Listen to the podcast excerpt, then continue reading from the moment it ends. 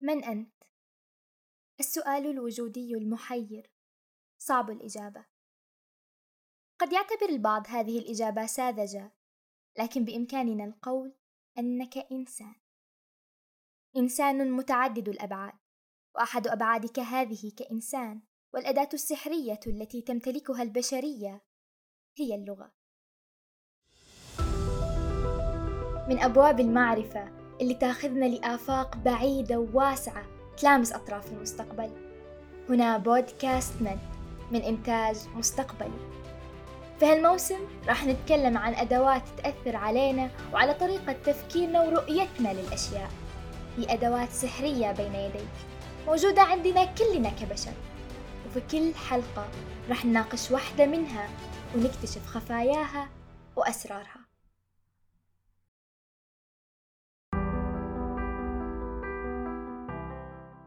يعرف بعض علماء اللغة على أنها أصوات يعبر بها كل قوم عن أغراضهم. والبعض الآخر يقول أنها مجموعة من الإشارات أو الرموز الصوتية أو أداة من أدوات المعرفة التي تختلف أنماطها. هي وسيلة للتعبير عن الأفكار. فأفكارنا تصاغ دائما داخل قالب لغوي. حتى أحاديثنا الداخلية مع أنفسنا. ومن هنا يأتي الشبه للسؤال الفلسفي. من جاء أولا البيضة أم الدجاجة؟ وهو من جاء أولا اللغة أم الفكرة هل تشكل اللغة الطريقة التي نفكر بها؟ هل تشكل اللغة إدراكنا للعالم من حولنا؟ أو هل بإمكاننا التفكير دون لغة أصلا؟ والكثير الكثير من التساؤلات. قبائل الهوبي هم إحدى سكان أمريكا الأصليين في لغتهم ما عندهم أي كلمة تدل على الزمن. ما عندهم كلمة زمن من الأساس. فهل هم يا ترى مدركين لوجود الزمن؟ وظف العالم الأمريكي بنجامين وورف تصور الزمن عند الهوبي كمثال لنظريته نظرية النسبية اللغوية. واللي تنص على أنه باختلاف استخدام الأنظمة النحوية تختلف أنماط ملاحظتهم. ونقدر نقول إنهم ينظروا إلى العالم بنظرة مختلفة. أي أنها بشكل مبسط تقول لنا إن اللغة هي أحد العوامل اللي تأثر في نظرتنا للحياة. إن التحدث بلغة مختلفة يعني رؤية العالم بشكل مختلف. ما يقتصر تأثير اللغة بس على إدراك قبائل الهوبي. فشعب الكوك في شمال أستراليا ما تحتوي لغتهم على كلمات زي يمين يسار أمام وخلف. عشان كذي يستخدموا كلمات أخرى لوصف الاتجاهات زي شمال جنوب شرق وغرب بالإضافة للجهات الفرعية. وبكذي تطورت قدرة شعب الكوك في تمييز الجهات الأربع. فلو كنت يا عزيزي المستمع تنتمي إلى شعب الكوك لما بتجي توصف مكانك لواحد من أصحابك بتقول له والله شوف أنا واقف شمال شرق المطعم. فهمت علي؟ أو لما تروحي المستشفى. ويسألش الدكتور عن سبب زيارتك بتقولي له؟ عيوني الغربية تعورني.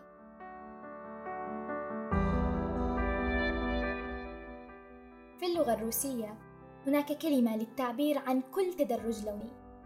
فالروسي يرى اللون الأزرق الفاتح لون مختلف تماما عن الأزرق الغامق بعكس العربي أو الإنجليزي. الذي يعتبر كلا اللونين لون واحد مختلف في الدرجة فقط.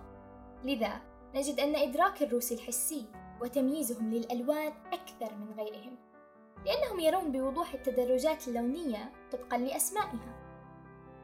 وفي اللغة العربية هناك وفرة من الكلمات التي نستطيع التعبير عن مشاعرنا بها. فلكل مفردة دلالة تعبر عن المعنى بأدق صورة. مثلا الفرح مختلف عن السرور والخوف مختلف عن الرهبة والملل مختلف عن الضجر وكذلك الألم مختلف عن الوجع. سعة اللغة العربية تساعدنا على التعبير عن مشاعرنا بكل وضوح فالوصف الدقيق يسمح لنا بإيصال أفكارنا وفهم بعضنا البعض بشكل أفضل وهذا بالطبع ينعكس على جودة علاقاتنا. فعندما زار الدكتور روبرت لي في مدينة تاهيتي في فرنسا وجد أن السكان لا يملكون كلمة للتعبير عن الحزن لفقد عزيز تحديدا فهم يستخدمون كلمة جريف للتعبير عن هذا الشعور والتي تعني تقريبا غرابة أو سخط. أيضا في لغة الإشارة للصم لا يوجد استعارات وتشبيهات كما توجد لدينا. فلو قلت لأصم أنت عسل بلغة الإشارة يستغرب. لأن بحسب لغته العسل مجرد طعام مادة حلوة لزجة القوام فليش توصفه بالعسل؟ دلالة الكلمة عنده مختلفة عن دلالتها عنده وقصور لغته أثرت على فهمه للمعنى